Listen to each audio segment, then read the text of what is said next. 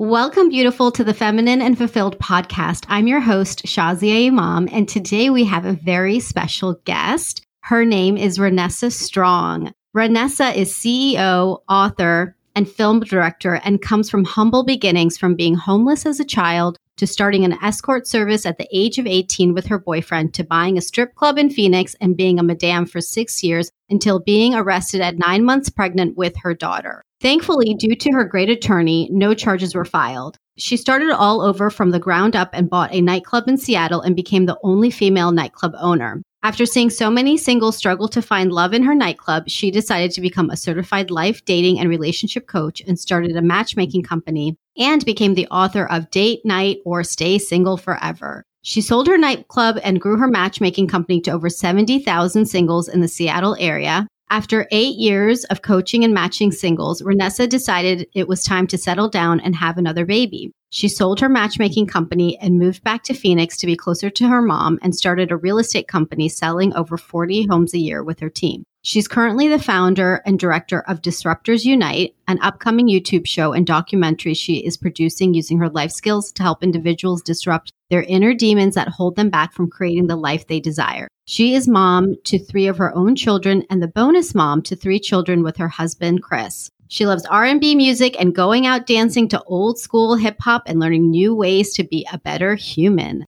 Welcome, Renessa. Hi, I'm excited to be here. Thank you for having me. Thank you for coming on. I am like just reading your bio and like, okay, wait, pause here. I have so many questions. Wait, pause here. So many more questions. so let's just start from the beginning. Let's start from your humble beginnings as a homeless child. Let's hear your story.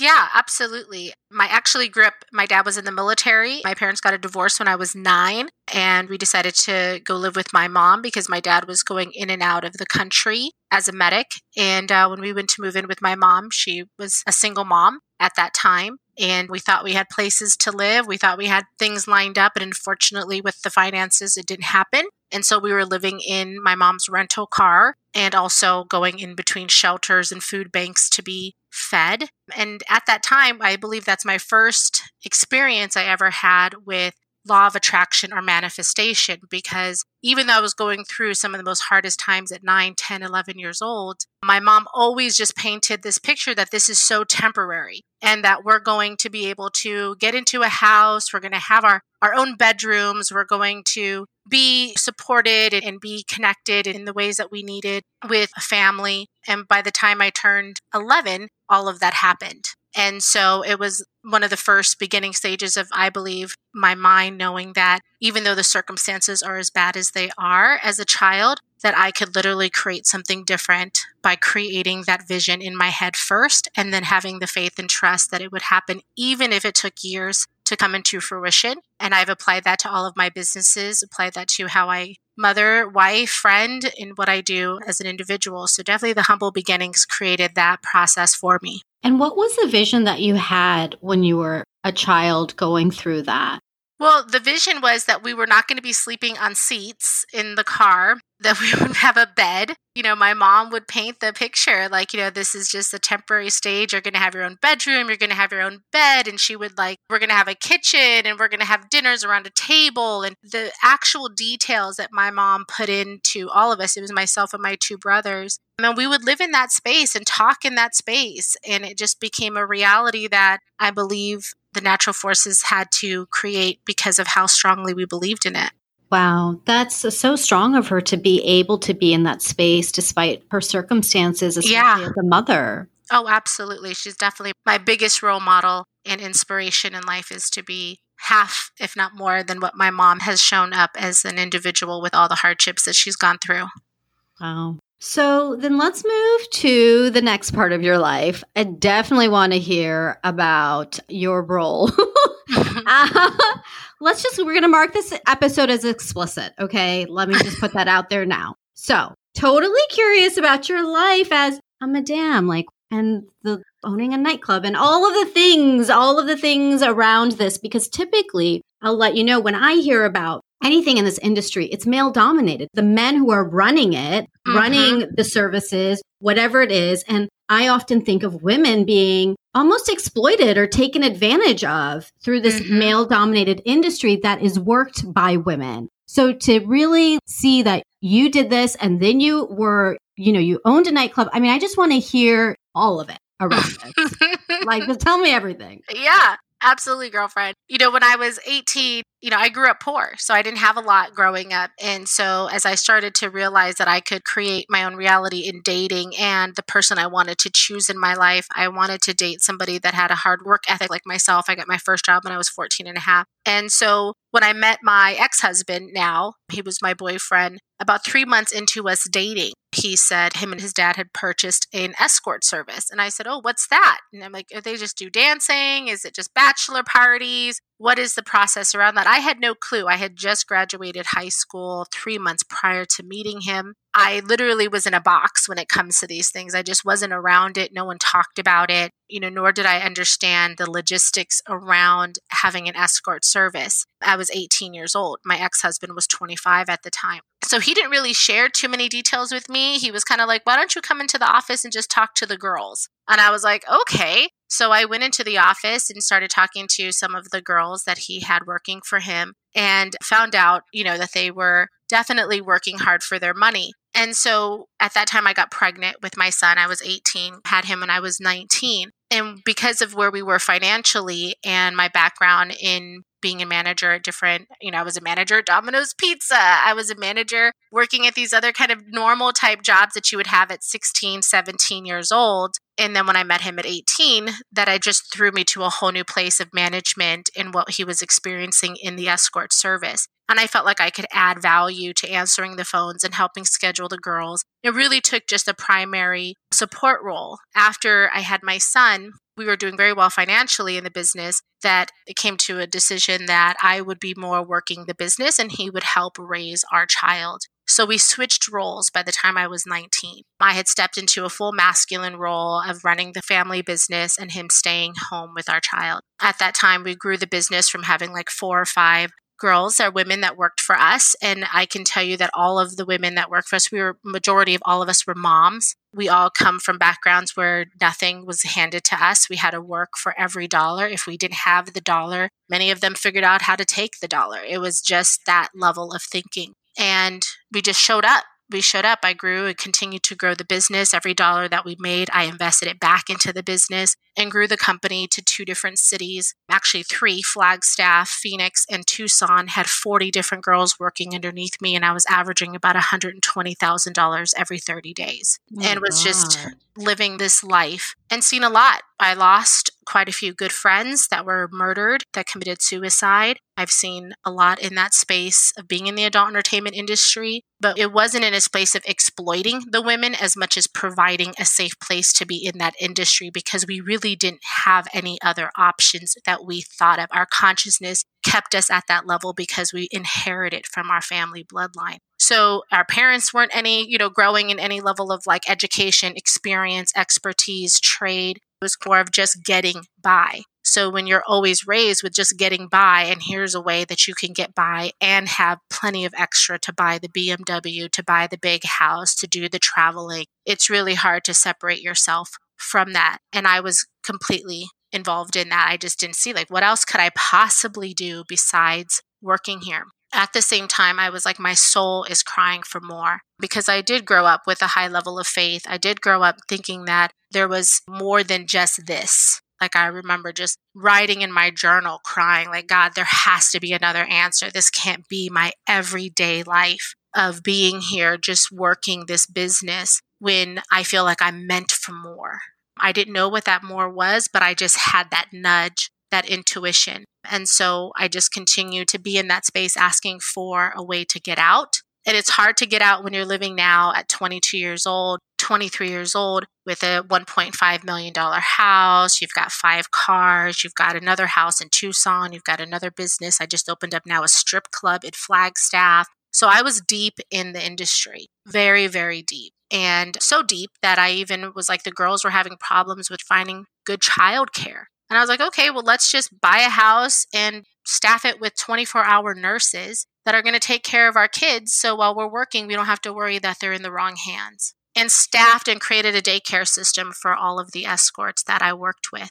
Mind you, it was later condemned when I was written up in the newspaper as being devilish to have a child care service connected with my escort service. And I was like, if you only knew the foundation of the women that are working this industry, would you have any level of grace or understanding? But that's neither here nor there because we all look at like the negative side, but we're not going to the source of why we're so comfortable in that space. So I end up nine months pregnant, drop my son off at at preschool. This is now I'm pregnant with my daughter at the time. He was only four, and I'm driving home from school and I get pulled over by the police. I'm like, why am I getting pulled over? I wasn't speeding. And they come up to my car and they're like, get out of the car, Renessa. And I'm like, oh my gosh, how do they know my name? I'm like, why is this happening? Completely lost completely naive to the whole experience of thinking I could ever get caught. And they handcuffed me nine months pregnant and took me to jail and held me for 24 hours. They arrested and raided my house, raided all of my houses, seized all of my bank accounts, took all of my vehicles. And by the next morning at 9 a.m., when I was released, my whole life was turned upside down. I didn't even have a car to drive. And back in those days, there was no Uber. So it was a whole beginning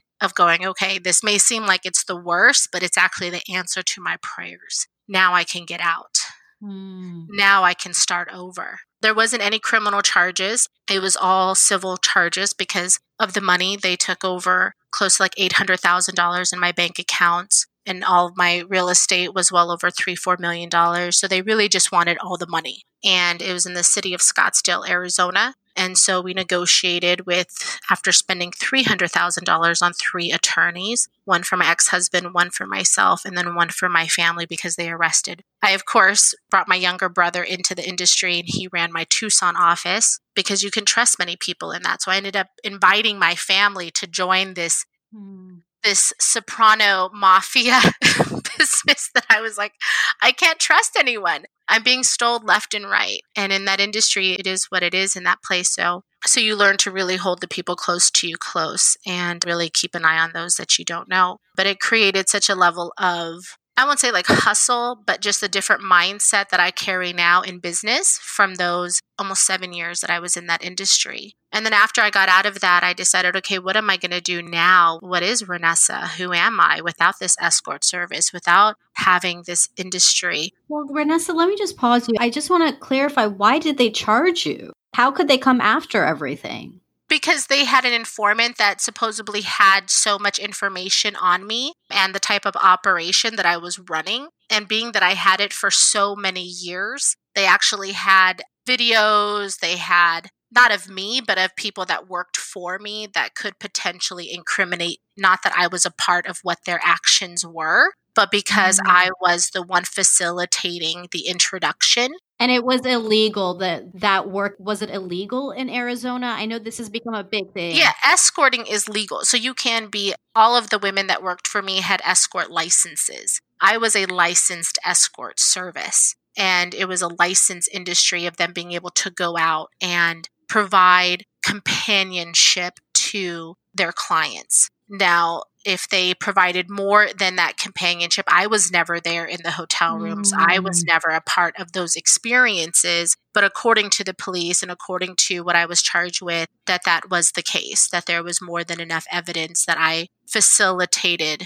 more of those introductions. Got it. Just calling it a spade, which turned into prostitution, yes. essentially. Got it. Okay. Yeah. Okay. And I didn't know that about that you could have an escort license. I didn't yeah. even know that that, okay. Yeah. So definitely it was 11 counts. I believe it was about three counts of racketeering because once you are supposedly using prostitution money, then you are racketeering illegal funds. Mm. So there was prostitution and racketeering is what I got charged with. And fortunately for me, all of those charges were dropped not many people have that situation when it comes to operating a business that long and with all that they had. But I believe that really it was the money that they wanted because as soon as we offered them all the money, everything got settled. Mm. And we didn't get charged with anything criminally, which I also feel could be grace, right? Mm-hmm, like, yeah. how many of us have had that experience where, like, I really shouldn't be where I'm at, but I'm here. And I feel like that was definitely a second chance to grace And I was like, okay, I'm not going to go back into the adult entertainment industry because a lot of the women that I worked with, once I shut down the business, were like, what do we do now? Where do we go?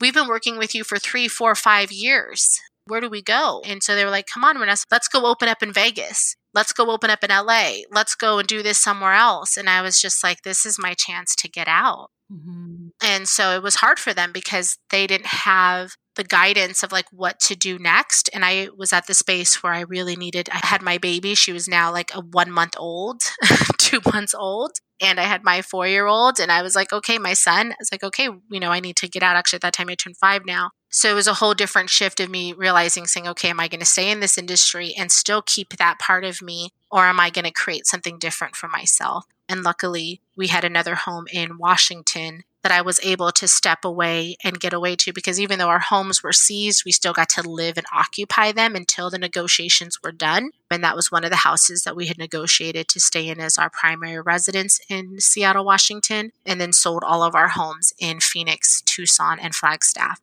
And then moved to Washington and started being a mom out there and kind of took some time just to rediscover myself and mm-hmm. what I mm-hmm. wanted to do. And my ex husband was very much like, okay, let's get into another business. I actually started an art gallery for a little bit and had a, a daycare service just so I could stay at home with my little baby. And then eventually bought a nightclub and took over a nightclub that was failing. It was empty Friday night, Saturday night. The place was empty seven nights a week. It was just all you would walk in and you would just see nightclub lights hitting the ground and no one at the bar. And I'm like, I don't even know how to run a nightclub. I've been an escort service owner. but okay, you know, let's try this out. And ended up turning that into making sixty to seventy thousand dollars a month within a six month period and grew that for another five, six years. And how did you grow that? I mean, going from empty to all this revenue, how did you do that? Partnership, thankfully, networking you know, I connected with, it was a mile away from the University of Washington, UW. And so I connected with all of the university different groups that were there from the Hispanic groups to the hip hop groups to the different philanthropic groups, and then connected with other promoters in the city that did different European Euro nights. And I just really made sure every night was a different audience. So my money was never in one basket. So if one night mm-hmm. was bad, I knew the next night was a different genre. And so from Wednesday to Sunday was full. There was lines outside of the door of the nightclub from all the different genres that I worked with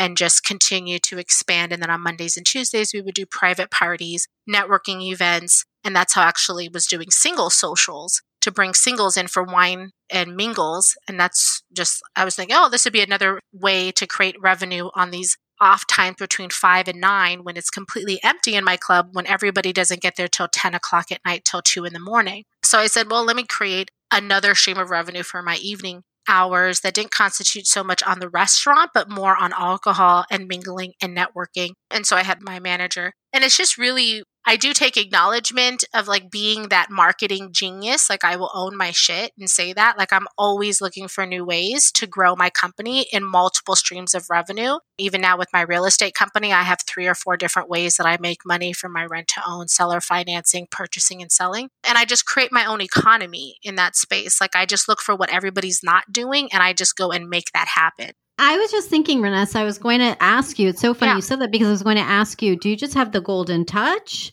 Or are you a hustler? Like I'm I mean, like, it's I both. because everything you touch turns to gold. Yeah, it's a little bit of both. I'm not gonna lie. I do feel, and I've always said that, like when I open my mouth or when I touch anything, it turns to gold. And I say, you know, and I also put the work ethic behind it to make it happen. So it's not just talk. I walk the talk you know, in that space. And I go out and if I can't find it, I go out and find somebody who can find it. So I think it's being very resourceful, which comes to the days of like being homeless, you know, and it's like we don't have food. Well, let's figure shit out or figure stuff out. You know what I mean? Mm-hmm. Like we don't have a place to sleep tonight. Let's figure it out. So because you're dealing with your survival needs having to be resourced because they weren't provided for even as a child, to take that same mindset where people that get stuck in like fears like, "Oh, I want to do this, but I don't know how to get started." I don't have that. It's like, oh, I want to go do this. Well, let's go figure it out. It's there's not a big delay in between my thoughts and actions because I didn't have that privilege growing up.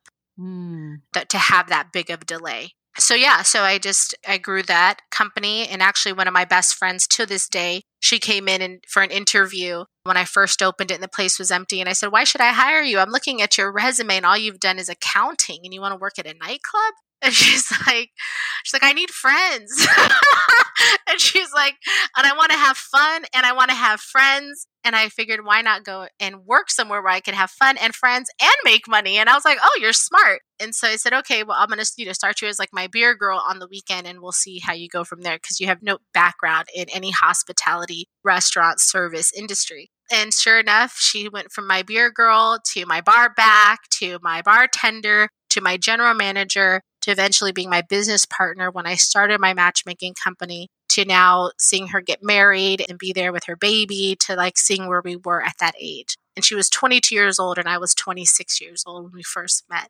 So I feel like heart is everything. Mm. Heart is the hustle. And it doesn't really matter what you're doing, it's that intention behind the heart that makes it grow. And I think that everybody that I worked with, because I came from the escort business and because I had that mindset, because I had that talk of like, this is what needs to get happen. And if you can't do it, I'll replace you. So there was like no in between. It was either this could be done or I will replace you. It was very not as nice in today's world on how we talk to each other with our formal consciousness of elevation. but I didn't I didn't have that education back then.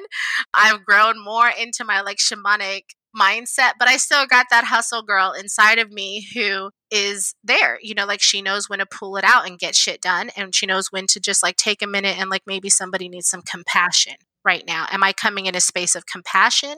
Or am I coming at a place of ego? So I've, I've been able to really understand my dynamics because unfortunately those dynamics is what caused me to get a divorce from my first husband to then, you know, being single. So it, it all affects everything, right? Like it just becoming in that space. Well, Renessa, let's dive deeper into that because you've talked about some really pivotal things that have happened in your life. I mean, when we talk about heartache, when we talk about tragedy, already you've talked about you were homeless as a child, you had friends who were murdered or committed suicide. I mean, people that you knew, that you interacted with, that were no longer there. And then the unraveling of your marriage after all the things I can tell already that you had experienced with your ex husband. What has that been like for you? It's been a sacred journey with a lot of tears. mm-hmm.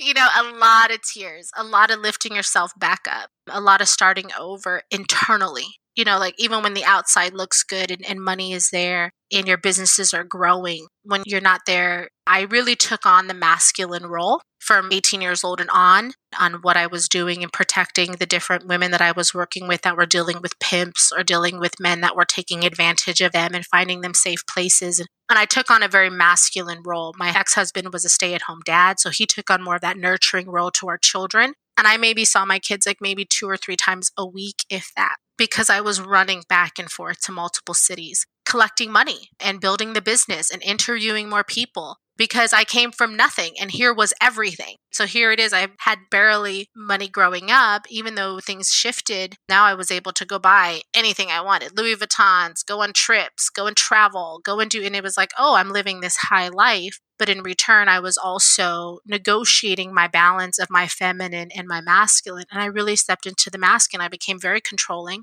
I felt like it was only my way or there was no other way. And the reason why is because when I trusted people that shared with me a new way, I got backstabbed a lot. I got betrayed mm-hmm. a lot. I got a lot of money stolen from me. I had a lot of people do me wrong. And so you start trusting absolutely no one. And when you don't trust anyone and all you do is trust yourself, you end up really cornering yourself and your growth because as my ex husband and I turned into like being like 28 years old, 29, I really was starting to work on myself a little bit more. And I wanted to experience the feminine. I wanted to like, I want to be like where I work, I get to stay at home and be with my kids. And you go run the nightclub now. And it was like, no, I haven't worked in 10 years. We, at that time, we had been married 11 years, or when we had divorced, but at that time it was like nine or 10 years. And I, and he said, no, I'm not. That's uncomfortable for me. And now that I look back at it, imagine if it was the roles were flipped. If a man just goes home to his wife, he's been running a company for a decade, and she's like, you're going to go to work tomorrow. I'm staying home with the kids. The wife would be like, what?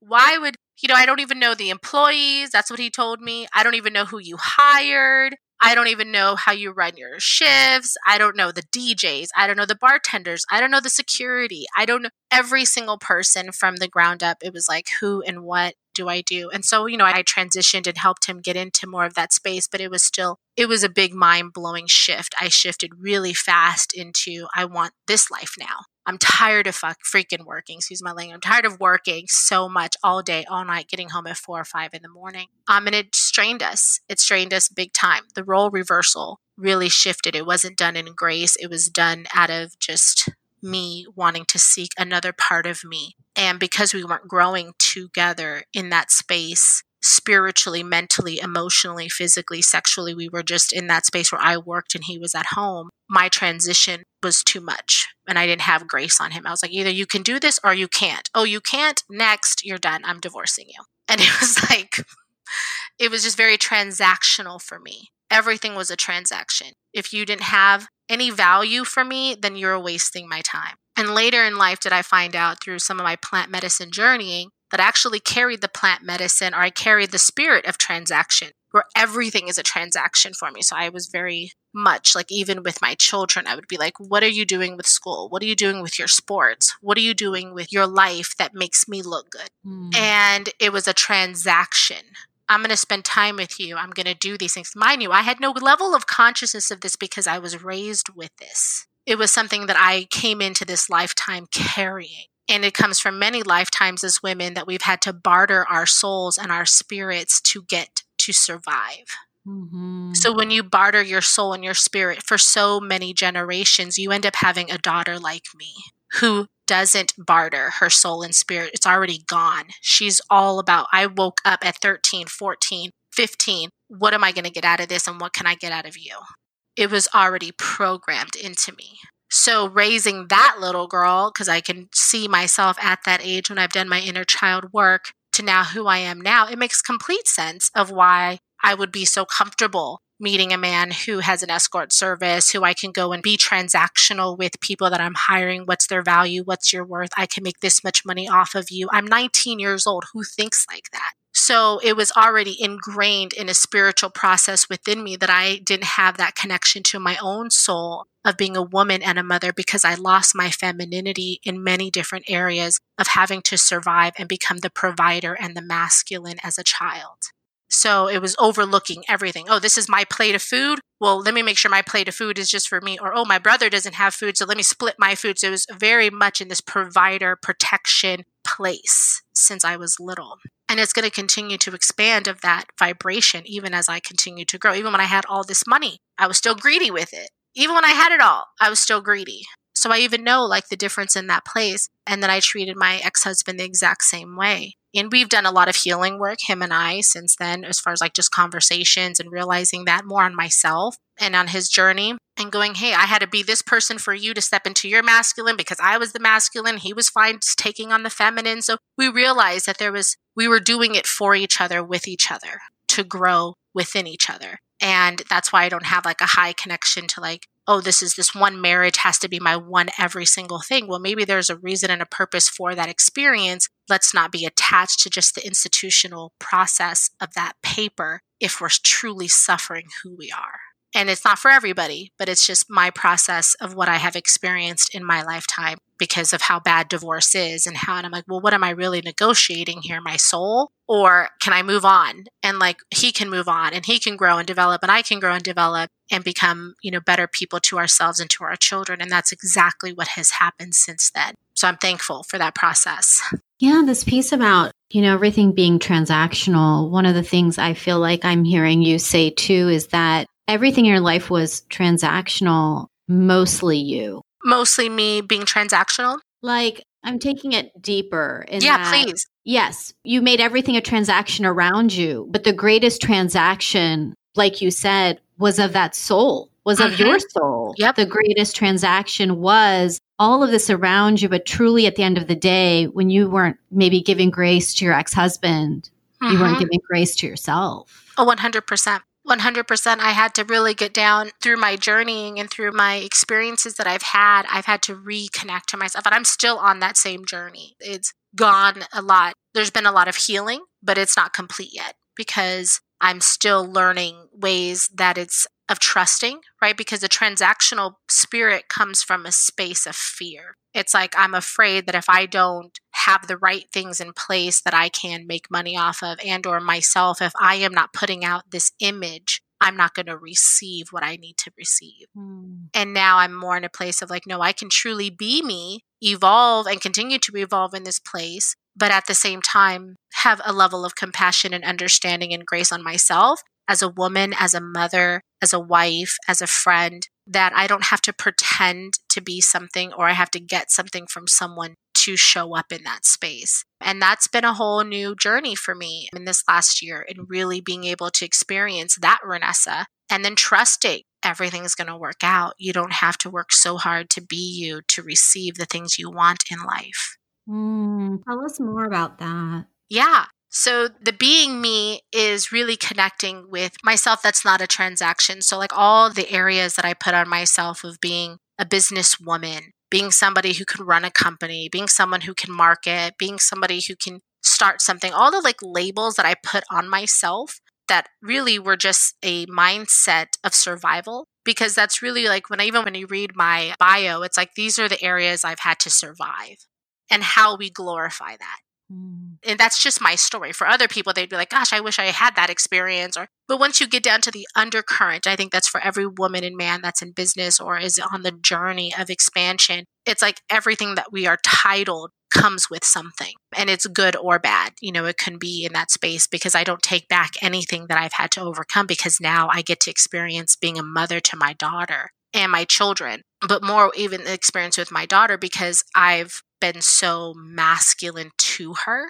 and she's 14 that now I get to be soft and kind and connected and nurturing and loving and holding this sacred space for her that it doesn't, it's not transactional. And I've done that my 19 year old son and my four year old son. And it's a whole different experience to connect and engage with everyone's spirit and soul when I'm able to connect with my own spirit and soul and being like, I honor you, Renessa. I honor you for getting through all of that shit by yourself. I honor you for not giving up.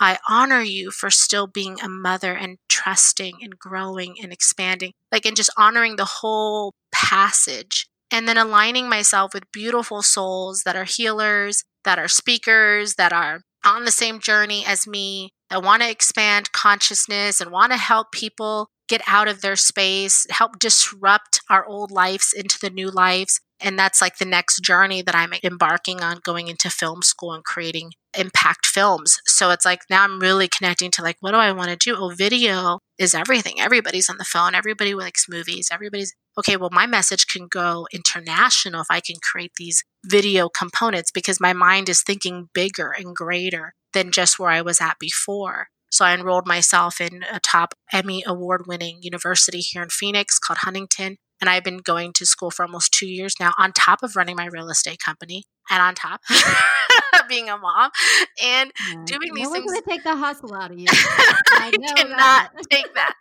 but it's coming from a different place now where I'm at school and I'm seeing, like, wow, okay, I can use this as a platform to reach a way bigger audience than if I was just in this space prior to like just being in, in the real estate and the matchmaking and coaching world. It's really taking all of my experiences now and the bad stuff, the hard stuff, the nitty gritty, getting on the ground. You know, how am I going to do this? How am I going to start over? How am I going to be connected as a mom to my children when I feel like all they've had of me is a working mom? how do I start over with a 19 year old who's like, you've never been there? You know, so you just go down that whole journey. It's been an experience. Ooh, I can mm. feel it. Mm-hmm. Thank you for sharing and being so open. I mean, these are the conversations that we don't always have, you know, to be able to really look at ourselves, to be honest, to accept our entire selves. I mean, I just, I hear you living that and to do that, I mean, that's courage. I think sometimes we attribute courage to so many other things, but mm-hmm. you can mm-hmm. come back to yourself, I mean, when you can, you know, the question coming up now is, you shared that you lived from a place of fear for so much of your life, and now you're living from a place of consciousness. So, how did you make that shift to not be in a place of fear, especially in a world that is really fear based? Yeah, I mean, it's fear based. Why do we want all the things? Because we're afraid. Mm-hmm. I think I shifted from out of the fear because I have accomplished so much of what the world says you should accomplish. So, like, I've been married, I had the house, I had the kids, I had the business, I've been an entrepreneur, I've been everything that everyone's selling on Instagram. Like, I've done all that shit. You know, like, what do I do now? Mm-hmm. You know what I mean?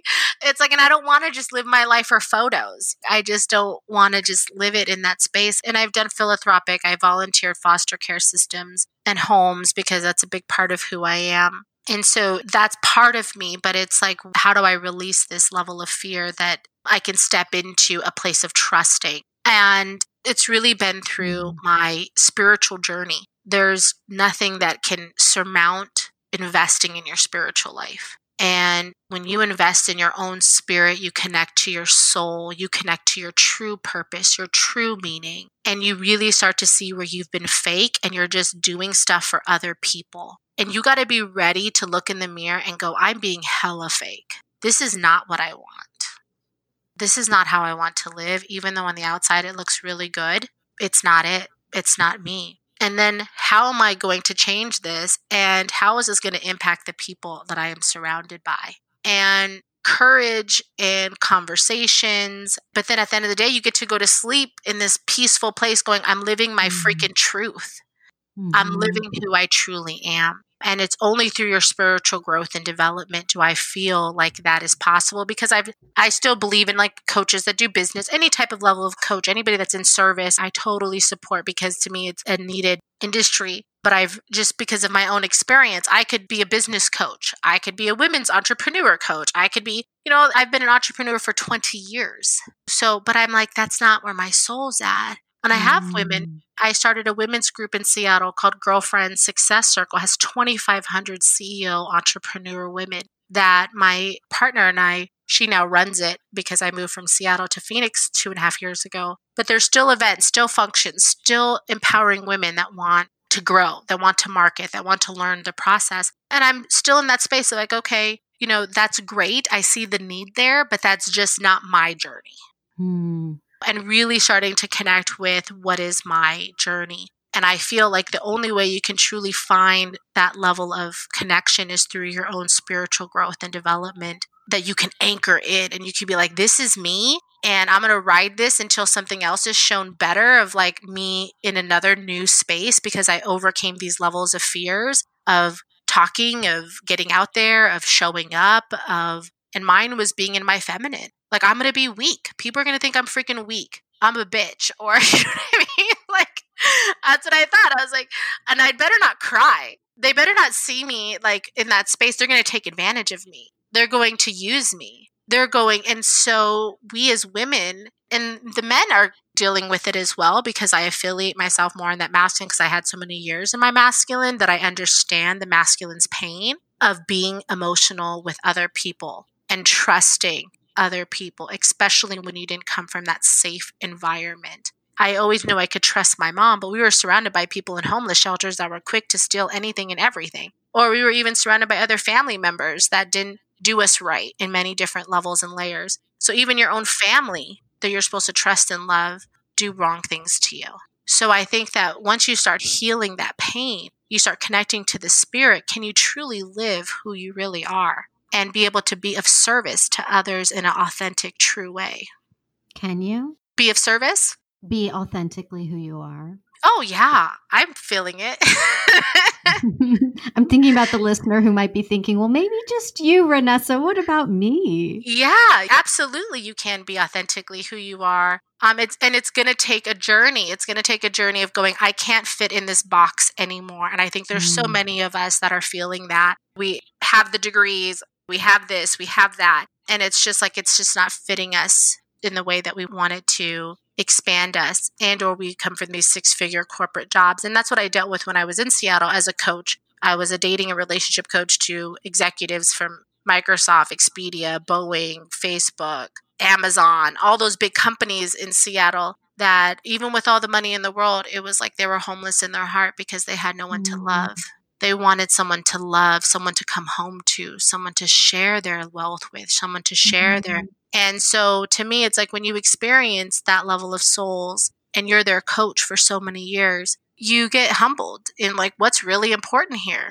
And love and spiritual growth are like the two, but, but even love can't be that because you can't truly love till you know who you're truly loving within yourself.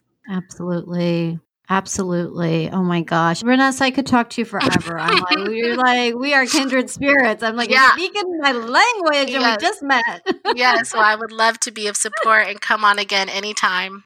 well, Renessa, where can people reach you? I know somebody's listening right now who's like, I need to know more. I need to connect. What is the best way for people to find you now? My website is disruptorsunite.com. It's a growing progress. I'm putting a lot of my videos on there recently, so it will be launching out here by the end of March. But it's disruptorsunite.com. And that's us that are ready to disrupt, or ready to disrupt our old life. We're ready to step mm-hmm. into who we are. We're ready to disrupt the fears, the society labels, the generational mindsets that we've had our parents and seen our parents struggle with. And we know, mom, dad, there's better ways. And we're ready to disrupt it and show up for ourselves and then show up for community and we need to be surrounded by people who think like us, talk like us, act like us. And so the website is disruptorsunite.com. Perfect. Thank you so much, Renessa, for coming on, for being so vulnerable, sharing your heart, sharing your story. I certainly feel so inspired and really got some answers to some big questions that have been on my mind. So thank you for that because just going back to trusting yourself authentically being you. And even when everything comes to a head, and it mm. definitely did for you over and over again, you still persevered and found yourself.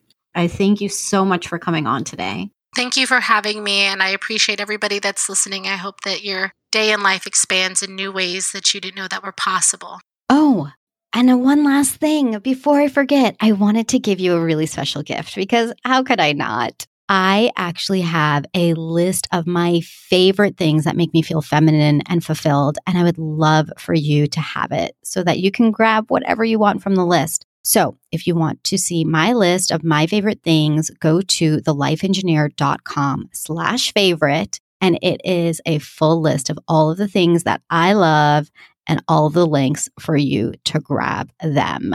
So that's thelifeengineer.com slash favorite. And I just had to give you a gift, beautiful, because um you deserve a fabulous gift. And why not all of the most favorite things to make you feel feminine and fulfilled? Okay. Love you.